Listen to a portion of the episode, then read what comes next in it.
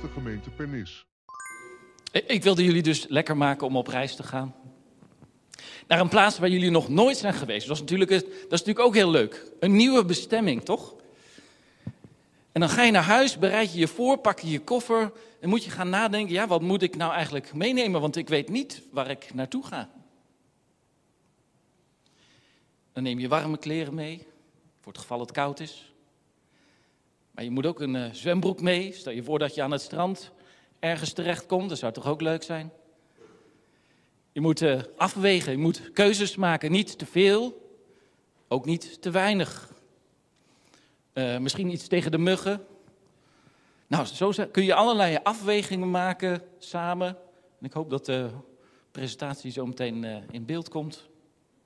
Afwegingen maken die ervoor zorgen dat je, kijk, evenwichtig of in evenwicht straks voorbereid op reis kan gaan. En Petrus stuurt ons op reis vandaag. Dat hebben jullie misschien nog niet gezien, maar ik hoop jullie met dat beeld voor ogen mee te nemen op reis. Waarbij we evenwichtig te werk moeten gaan in alle voorbereidingen die daarbij horen. En het plaatje wat jullie zien is van een koorddanser, dat hadden jullie al in de gaten. En die koorddanser heet Charles Blondin, Franse naam. Een man die dacht bij zichzelf op een dag, weet je wat ik doe? Ik ga over de Ni- Niagara Falls heen en dat doe ik lopend over een koord.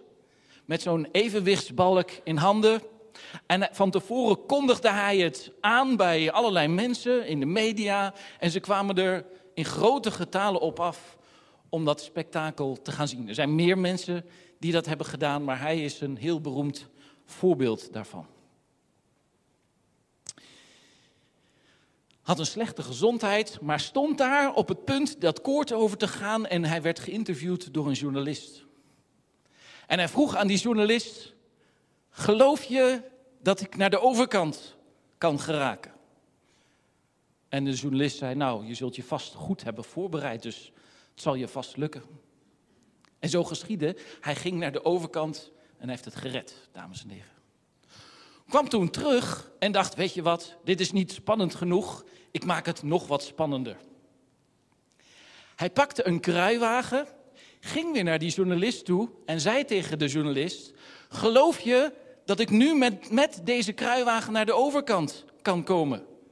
En de journalist zei: Ja, je hebt het één keer gedaan, de tweede keer zal het je ook vast lukken. En toen zei hij: Nou, stap maar in. Moet je durven, hè? Moet je ook vertrouwen dat het wel goed gaat komen. En vertrouwen heb je ook nodig op je geloofsreis. Hoe leef je nou met Jezus in evenwicht? Of hoe volg je Jezus nou in evenwicht? En om heel eerlijk te zijn, zal ik jullie vanmorgen zeker niet alle antwoorden kunnen geven waar je naar op zoek zou zijn als je een antwoord wil krijgen op die vraag: hoe volg ik Jezus nou in evenwicht? Sterker nog, tijdens de voorbereiding dacht ik, wat geloof ik nou eigenlijk dat deze tekst echt wil zeggen? Wat wil die tekst ons nou meegeven op die geloofsreis? En het was best een zoektocht. De antwoorden kwamen me niet zomaar aanwaaien. Maar misschien zit daarin wel de eerste les van vanmorgen. De eerste stap die je zou kunnen zetten op je geloofsreis. En dat is dat je bereid moet zijn om te leren. En dat betekent dat je nog niet alles van tevoren weet. Als je gaat leren, dan ga je ontdekken. Eh, Ik moest even denken in de voorbereiding aan eh, toen ik nog in België op school zat. De meeste van jullie weten dat ik daar ben opgegroeid. En ik had een leraar daar en die deed iets heel moois in de klas. Hij liet mij een stuk klassieke muziek horen. En niet alleen mij, de hele klas. Een stuk van Edvard Grieg. Ik weet het nog. Ik zie hem nog zitten en hem daar vol enthousiasme over vertellen. En de boodschap die hij gaf was niet, jij moet dit mooi vinden, maar hij deelde over iets wat hij had ontdekt door nieuwe dingen te leren. En wat hij mij en de andere kinderen heeft proberen aan te leren is, jij moet geloven wat ik geloof, jij moet vinden wat ik vind, maar ik hoop dat je wil ontdekken en dat daar schoonheid in zit. Dat je wil leren gaandeweg. En hij leerde me een hele waardevolle les. Je moet willen leren, dat is ook wat Petrus graag wil. En leren doe je niet alleen. Het is vanmorgen al een keer genoemd. Je hebt elkaar daarvoor nodig om af en toe even te zeggen: Denk je erom, het is een uur vooruit en niet achteruit. Je hebt elkaar nodig om op die leerweg te gaan. Dat doen we in alle gebieden van ons leven. We, we leren als we op school gaan samen. We leren als we werken samen met collega's. We leren als we in gezin zijn samen. Het is altijd de bedoeling dat we elkaar daarbij hand in hand vasthouden. En ook wij hier vanmorgen als gemeente zijn hier geroepen om samen te leren. Een ander verlangen, daar zegt Petrus, dat altijd heel sterk in ons aanwezig moet zijn. Dat als je dan wil leren, zegt hij, hou dan vast aan het zuivere woord van God. Klinkt een beetje als een open deur. Als ik dat zeg, maar alle kerken zeggen van zichzelf: wij willen leven volgens het woord van God. Er is geen kerkgenootschap die dat niet in zijn beleidenis heeft opgenomen. En toch, ik zat vorige week een eh, programma te kijken over uh, iemand die de kerk had verlaten. Was iets wat hij zei, het signaal wat je vaker krijgt van kerkverlaters. Hij zei namelijk: in die kerk, daar leren ze hele goede dingen. Maar als ik naar de mensen kijk, dan zie ik zo'n groot verschil tussen wat er geleerd wordt en hoe er geleefd wordt. En dan kunnen we dat natuurlijk heel gauw afschuiven als onzin. En, en hij, hij, hij of zij heeft de kerk de rug toegekeerd en wil gewoon niet meer. Maar misschien moeten we daar ook iets van leren. Dat als we leren van het zuivere woord van God, dat dat niet alleen te maken heeft met kennis opdoen in je hoofd, maar dat je ook leert om dat zichtbaar te maken in je leven. Anders is het geen leren. Daarom ook zegt de Heer Jezus in het Lucas-evangelie: Wat heerlijk is het als mensen Gods woorden horen en ze ook doen. Die twee hangen met elkaar onlosmakelijk samen. Nou, laten we dan eens kijken hoe Petrus ons meeneemt in zijn reis, die hij ons beschreven heeft als christen, als volgeling van de Heer Jezus en als volgeling die het evenwicht zoekt. En laten we met hem kijken naar de zes beelden die hij gebruikt om ons dat duidelijk te maken. Zes beelden waar we met elkaar langs willen gaan. En, ik zal proberen niet te lang van stof te zijn, maar ik wil ze wel graag goed behandelen, want er zitten hele mooie lessen in waar we mee verder kunnen. Nogmaals, geen afgeronde antwoorden vandaag, maar wel stof om mee verder te gaan. Zes beelden die hij gebruikt. In de eerste plaats over pasgeboren kinderen. Dat is een beeld wat hij gebruikt in de weg van het geloof. Waarbij hij de persoonlijke groei van een gelovige benadrukt. Maar ook het beeld gebruikt van die levende stenen die een geestelijk huis moeten vormen. En daar gaat het over gezamenlijke groei. Bij het derde beeld spreekt hij erover dat we een koninklijk priesterschap zijn. Nou, priesters, daarbij heb je ook allerlei beelden in je hoofd. Maar het gaat er ook om dat we in het volgen van Jezus in evenwicht volk van God zijn. En in het vijfde beeld zegt Petrus, je moet je aan de ene kant afzonderen van de wereld. Jullie zijn vreemdelingen en bijwoners. Maar Petrus wil ook dat we deelnemen aan de wereld. Dat we trouwe dienaren zijn. Nou, hoe zit dat nou? En u begrijpt wel, die drie setjes van zes beelden, die zijn de twee uiteinden van de evenwichtstok die je handen moet houden om veilig naar de overkant te komen. Om de reis goed af te leggen. De eerste gaat dus, ik heb een, een tijdje mijn best gedaan om het uh, duidelijk te krijgen in dit beeld. Die, die stippenlijn is natuurlijk de reis die we afleggen. En we gaan eerst naar de kraamkamer van het geloof. Nou, beeld, daar hoef ik jullie niet heel veel bij uit te leggen. Jullie hebben allemaal wel ervaring als, als moeder of vader of oma of opa of oom of tante of hoe dan ook. Met kleine kinderen, dan weet je, die moeten gevoed worden, die moeten gespeend worden of die moeten nog de moedermelk krijgen. Verlang naar de zuivere melk van het woord van God als je op die kraamkamer van het geloof je begeeft. En toen ik dat las, vond ik het een, in feite een hele gekke oproep van Petrus. Want het woord van God, daar zou je toch bij jezelf bij denken, ja, dat is niet het, dat is niet het zuigelingenvoedsel, dat is toch het vaste voedsel. Dat is toch niet, het, niet alleen maar het begin, maar daarmee ga je toch op weg. En toch, bij, als je verder erover nadenkt, kom je tot de conclusie dat je, precies zoals ik daar straks al zei, het woord moet lezen, dat je het moet leren begrijpen en dat het pas vast voedsel wordt als je ook hebt geleerd hoe dat er dan in je leven uit gaat zien. Alleen maar lezen wat er staat, dat is nog maar het begin. Dat is wat Petrus zegt. Dat is heel simpel. Je kunt het lezen en denken, oh, dit is wat het betekent. Nou, hup naar de volgende. Nee, zegt Petrus, je moet het vermalen, je moet het verteren, je moet het overdenken, je moet het bespreken, je moet elkaar helpen daarbij om dat te implementeren in je leven, om dat, om dat zichtbaar te maken in jouw dagelijkse wandel door het geloof. Je gaat niet iemand die pas bekeerd is al hele moeilijke taken geven. Een pasbekeerde maak je niet gelijk oudste in een gemeente. Of bestuurslid, of, of hoe je het ook wil noemen. Die geef je de tijd om te leren. Net zoals je op je werk, als je een nieuwe collega hebt die net is afgestudeerd, niet gelijk het moeilijkste project aanreikt. Zo, ga jij dit maar even doen. Nee, je laat die collega rustig inkomen. Precies op dezelfde manier leren we rustig dat voedsel tot ons te nemen, leren we te groeien, beginnen we bij het begin en groeit het daarna pas uit. En zo moet je het woord dus leren begrijpen. De Jezus deed in de bergreden niet anders. Jullie kennen die beroemde woorden, die beroemde prediking van Jezus toen hij daar zei: Jullie hebben wel gehoord dat er gezegd werd: Gij zult niet doden, maar ik zeg u. En dan neemt hij ze mee naar een diepere laag. Hij probeert ze te helpen dat zuigelingenvoedsel, wat ze al aangereikt hebben gekregen, om dat echt te gaan begrijpen. Om het hart van die woorden te begrijpen. Zodat ze uiteindelijk kunnen leren dat zichtbaar te maken.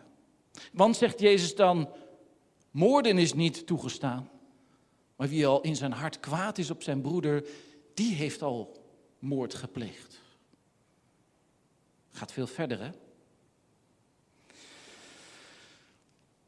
Die persoonlijke groei in de kraamkamer van het geloof, daarbij neemt Petrus ons aan de ene kant mee, dan, dan wijst hij ons naar hoe, onze eigen verantwoordelijkheid, naar wat wij zelf moeten doen. Maar ik zei al, er zit ook een andere kant aan het verhaal. dat, die geeft ons de balans op dat koord naar de overkant. En dat andere beeld wat hij gebruikt is de bouwplaats van het geloof. Dan heeft hij het over levende stenen die samengevoegd moeten worden. Die stenen, en ik weet niet of u het eh, plaatje goed kunt zien, maar die stenen, daar, daar is iets heel moois aan. Die stenen, die hebben namelijk allemaal een andere vorm, een andere grootte. En toch, op de een of andere manier, passen ze perfect in elkaar en vormen ze samen een mooi muurtje daar. En zegt Petrus, als je in de weg van het geloof bent, als je Jezus wil volgen in evenwicht, dan gaat het niet alleen om jouw persoonlijke groei, maar heb je elkaar ook hartstikke hard nodig. Je moet het samen doen. Je moet samen groeien. Je moet je samen laten voegen tot een geestelijk gebouw. Gelovigen die alleen op pad verder willen, missen volgens Petrus een heel belangrijk aspect van geloofsgroei. Die, die raken uit evenwicht. Die staan daar op dat koord en hebben de stok helemaal bij het uiteinde vastgepakt. En je kunt wel een beetje tegenhangen, maar uiteindelijk ga je het verliezen. Is het evenwicht te moeilijk om vast te houden? En jullie begrijpen wat er dan gebeurt. Dan val je naar beneden. Kortom, jouw geloof kan niet zonder het geloof van anderen.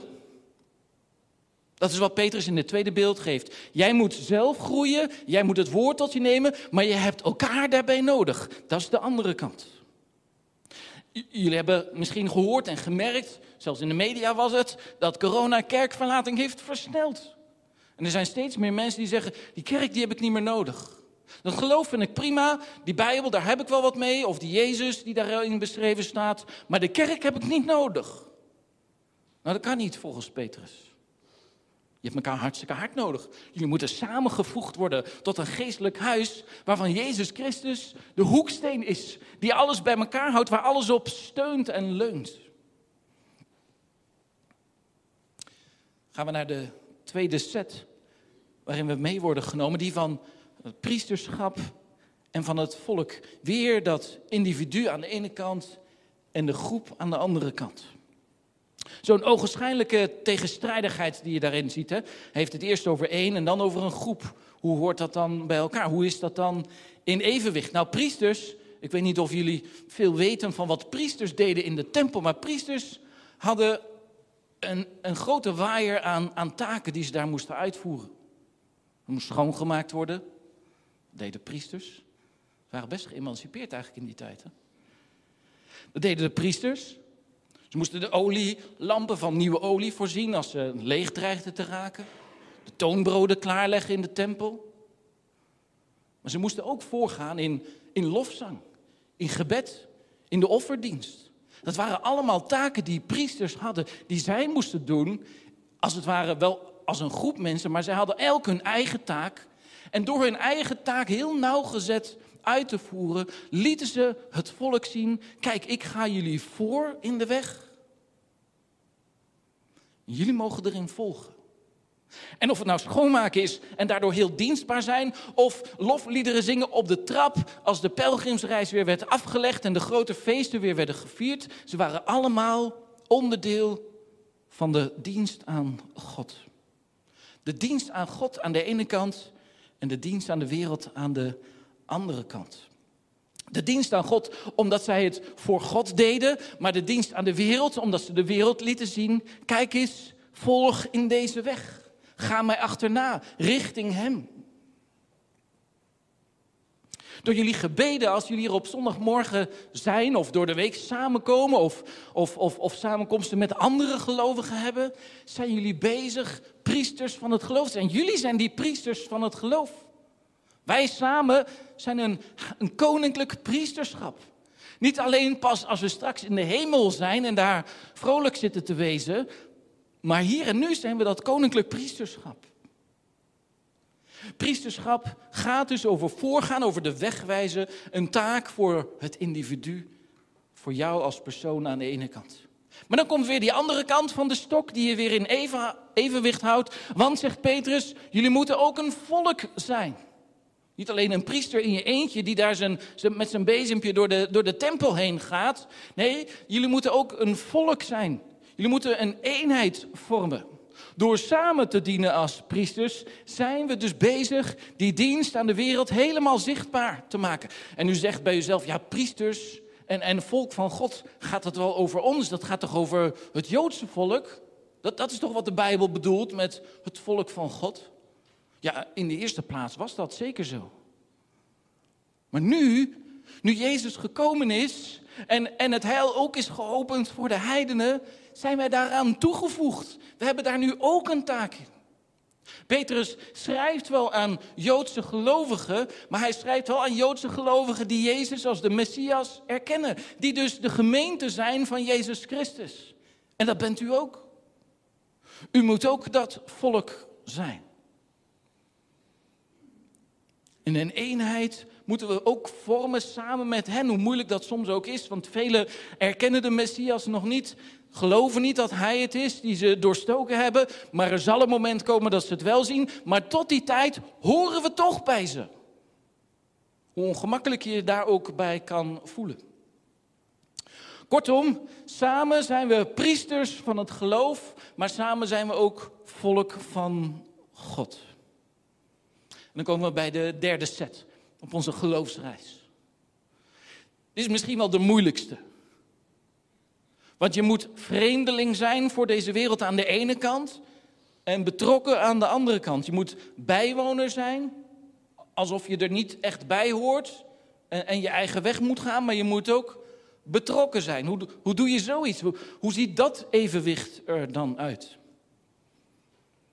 Nou, in de eerste plaats dat we op onze geloofsreis onderscheid leren maken wat wel van God is en wat niet van God is.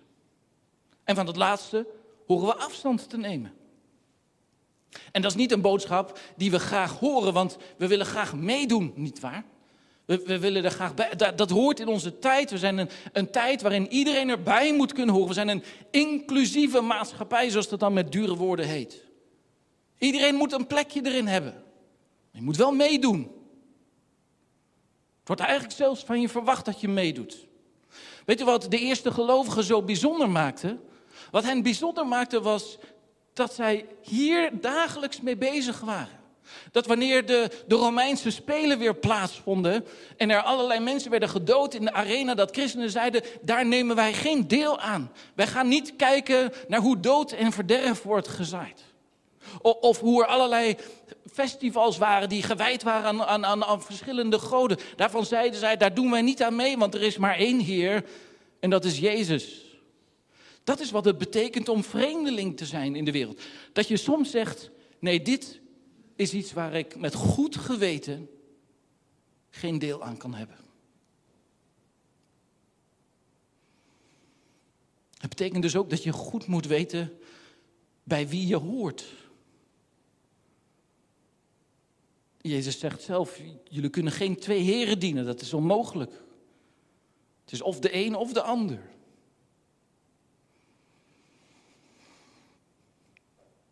We moeten niet scoren voor de tegenstander. Ik, ik zie mijn jongens wel eens voetballen. Stel je voor dat, dat een van mijn zonen zou zeggen: Weet je wat? Ik ga opzij, de oudste is een keeper. Weet je wat? De tegenstander komt eraan, ik ga opzij, ik laat ze scoren. Stel je voor dat je dat toe zou staan, dan zou iedereen staan kijken: Wat doe jij nou? En daar vinden we het heel gek.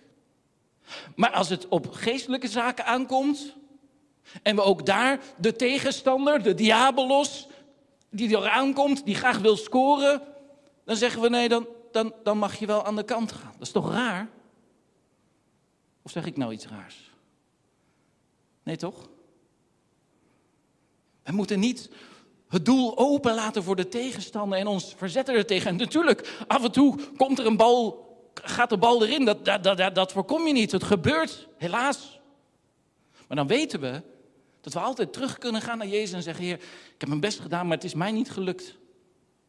Hij heeft weer gescoord, maar vergeef het me. En dan kan dat. Ik, ik, roep jullie er niet toe op om een soort kloostergemeenschap met elkaar te vormen, waarbij je niks meer met de wereld te maken wilt hebben, waarin je je verschuilt als het ware achter muren. Overigens is dat niet mijn indruk van kloosters vandaag de dag, want als je daar komt, zie je daar hele mooie dingen gebeuren. Maar het is niet de bedoeling dat je op die manier je afschermt van de wereld. Alleen in je keuzes die je maakt, als je evenwichtig Jezus wil volgen, zul je soms moeten zeggen: nee, dit, dit hoort er niet bij. Hier doe ik niet aan mee. Dat is de ene kant. En de andere kant is dan weer, en dat is zo'n gekke tegenstelling. Dan zegt Petrus, en trouwens Paulus zegt het ook, en Jezus zegt het ook, en de profeten zeggen het ook. Wees het gezag onderdanig. En neem op die manier deel aan de wereld waar jij in leeft. Is een hele belangrijke reden waarom de apostelen dat trouwens zeggen en de profeten ook. Want als het volk in ballingschap is en ze zijn weggevoerd, zegt de profeet tegen ze, zet je in voor de vrede van de stad. En, en hier zegt, zegt Petrus dus, erken het gezag van de overheid. En Paulus zegt precies hetzelfde. En, en Paulus geeft er nog een reden bij, zodat je in vrede kan leven. Zodat je in alle vrijheid je geloof kan blijven beleiden en God kan blijven dienen. Eh, coronatijd, ik weet niet hoe het in deze gemeente is gegaan, maar als ik even over de hele waaier van gemeenten in Nederland kijk, en trouwens wereldwijd, dan kwamen daar best wat, kwamen daar best wat verschillen zichtbaar. De ene zei, nee, wij moeten de overheid hierin niet gehoorzamen. En, en sommigen gingen daarin heel erg ver, want, want wat er nu gebeurt, dit is de eindtijd. En dit is, dit is het teken van het beest, werd er geroepen.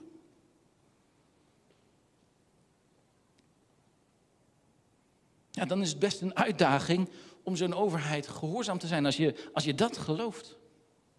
Maar dan zou ik je er toch op willen wijzen dat jij in je eentje niet allerlei speciale openbaringen van God krijgt. Daar heb je elkaar voor nodig. Om dat bij elkaar te toetsen. Klopt dat wat ik denk? Kan best zijn dat je het denkt. En misschien, misschien kun je zeggen, ja, de overheid maakt soms keuzes waar je met je geweten ook niet helemaal mee in overeenstemming komt. Maar dan nog hoor je met elkaar te zoeken hoe je je daarin hoort te gedragen. En dit principe van gehoorzaamheid aan de overheid is heel erg belangrijk. Weet u hoe belangrijk het is dat gehoorzaam zijn aan de overheden. Dan gaan we even helemaal terug naar het begin van de Bijbel. En dan lezen we daar over een heel belangrijk moment, namelijk Noach en de zijnen die worden gered van de zondvloed, maar de rest van de wereld die met water werd geoordeeld. Ik hoef u dat niet uit te leggen, u kent dat Bijbelverhaal. En als dan op een gegeven moment het land weer op het droge komt, dan sluit God een verbond met Noach, maar ook met de dieren. De hele schepping wordt erin meegenomen. En dan lezen de Joden die tekst en dan stellen ze zichzelf de vraag: hoe kan het dat God allemaal afspraken maakt? Wie moet ervoor zorgen dat die afspraken na worden gekomen? En hun eerste gedachte is: dat moet een overheid zijn die daarop toeziet. Dus al bij Noach is de interpretatie van de Bijbel, al daar was het gezag belangrijk om te gehoorzamen. Die zorgt ervoor dat u en ik in vrede kunnen leven. Ik heb het daar straks gebeden, Heere God, dank u wel dat wij hier vrij mogen samenkomen. Begrijpt u wel wat een ongelooflijk voorrecht dat is? Dat als je in andere landen toevallig opgroeit, dat je die vrijheid helemaal niet hebt. En toch, hè, als je dan naar die mensen kijkt, ik moet opeens denken aan een getuigenis wat ik gelezen had van een Noord-Koreaanse uh, uh, inwoner. En die was christen, natuurlijk in het geheim. Hij was, je kon zijn gezicht niet zien, maar je hoorde zijn stem. En hij, hij zei tegen, tegen degene die hem interviewde: Als wij hier samenkomen in het geheim, dan bidden wij ook voor de overheid. Dus dacht ik, hè, waarom, waarom doe je dat? Je, wordt toch, je wordt toch beperkt in je vrijheid? Ja, zei hij, want Paulus heeft eens ook de gemeente vervolgd. En wie weet kan onze leider zich ook bekeren. Zo, daar heb je groot geloof voor nodig. Toch? Dat moet je kunnen. En zo nemen we deel aan de wereld. En kun je niet zeggen, in alles onttrek ik mij van de wereld. Dat is een, dat is een verkeerde gedachte. En horen we dat evenwicht te zoeken, zodat we veilig aan de overkant komen. We zijn wel van deze wereld. Uh, sorry, we zijn wel op deze wereld, maar niet van deze wereld. We leven er, we hebben er een verantwoordelijkheid. Ook al moeten we niet per se onderdeel van het hele systeem worden. Terwijl we tegelijkertijd een voorbeeld, een toonbeeld zijn van goed burgerschap. Want zegt Petrus hier, als je op die manier leeft, zullen die mensen die kwaad over je spreken, heb je die gekke christenen weer, zullen zien door jouw levenswandel dat je toch eigenlijk iemand bent die gerespecteerd hoort te worden. Zover gaat dat. Dat is dus nogal een reis waarop we ons moeten voorbereiden. Of die we moeten gaan met elkaar. De geloofsreis volgens Petrus. Een reis waarop je ja moet voorbereiden, waarin je moet willen leren, waarin je samen moet willen leren en die je moet willen gaan door steeds dat evenwicht met elkaar te zoeken. Want, zegt Petrus in feite in essentie, leven in evenwicht of Jezus volgen in evenwicht is hetzelfde als gelovige optrekken aan de ene kant, maar wel in een gemeenschap. In die zes beelden, of in die drie sets, probeert hij steeds weer van het ene naar het andere te gaan. En zegt hij, denk erom dat je beide meeneemt. En dat vind ik een hele mooie oproep. En de laag die er in feite nog onder zit, volgens Petrus, is de volgende. Ga nou niet in uiterste hangen. Daar zijn we als christenen soms wat gevoelig voor om in uitersten terecht te komen. En voor je het weet kom je tegenover elkaar te staan. Maar uitersten zijn alleen functioneel als er een ander uiterste tegenover staat. Leven in evenwicht is als gelovigen optrekken in een gemeenschap. Dat is de tegenstelling hier. Wat jij moet doen en hoe je dat samen moet doen. Wat jij moet doen als opgroeiende gelovige en hoe je dat samen doet als geestelijk bouwwerk. Wat jij moet doen als priester en hoe je daarin samen als een volk optrekt. Wat jij moet doen als vreemdeling en hoe je samen optrekt in de wereld. Nee, het is, het is niet heel praktisch vandaag. Ik heb nog maar wat inleidende beschietingen gedaan op de geloofsreis. Ik heb, ik heb het nog maar net aangeraakt. En, en ik, zou, ik zou zo graag jullie naar huis sturen met: ga deze week dit doen. Maar zo simpel is het niet altijd. Petrus weet dat wanneer hij deze brief schrijft, dit het enige moment is dat hij de gemeente kan aanschrijven en, en aanspreken. En, en dat geldt voor alle brieven. Dat is maar zo'n korte, uh, uh, korte momentopname van een hele lange geloofsreis die die gemeente moet maken. En die komt vandaag tot ons. Dit, dit kleine stukje tekst moet zo breed zijn dat het duizenden jaren mee kan gaan in de geschiedenis, totdat uiteindelijk Jezus komt. Dus nee, het is niet zo praktisch, het spijt me, maar wel iets waar we mee we verder moeten willen gaan. En we moeten dus bereid zijn om dat allemaal te willen leren. Al die dingen die zijn aangestipt, al die openingszinnen, al die, die, die inleidingen die de apostelen ons hier aanreiken, zijn bedoeld om er een heel leven mee te doen. Zolang als God ons de tijd geeft. En die leerweg, of die geloofsreis, moeten we allemaal willen maken. Altijd dus in de afweging van het ene uiterste en het andere.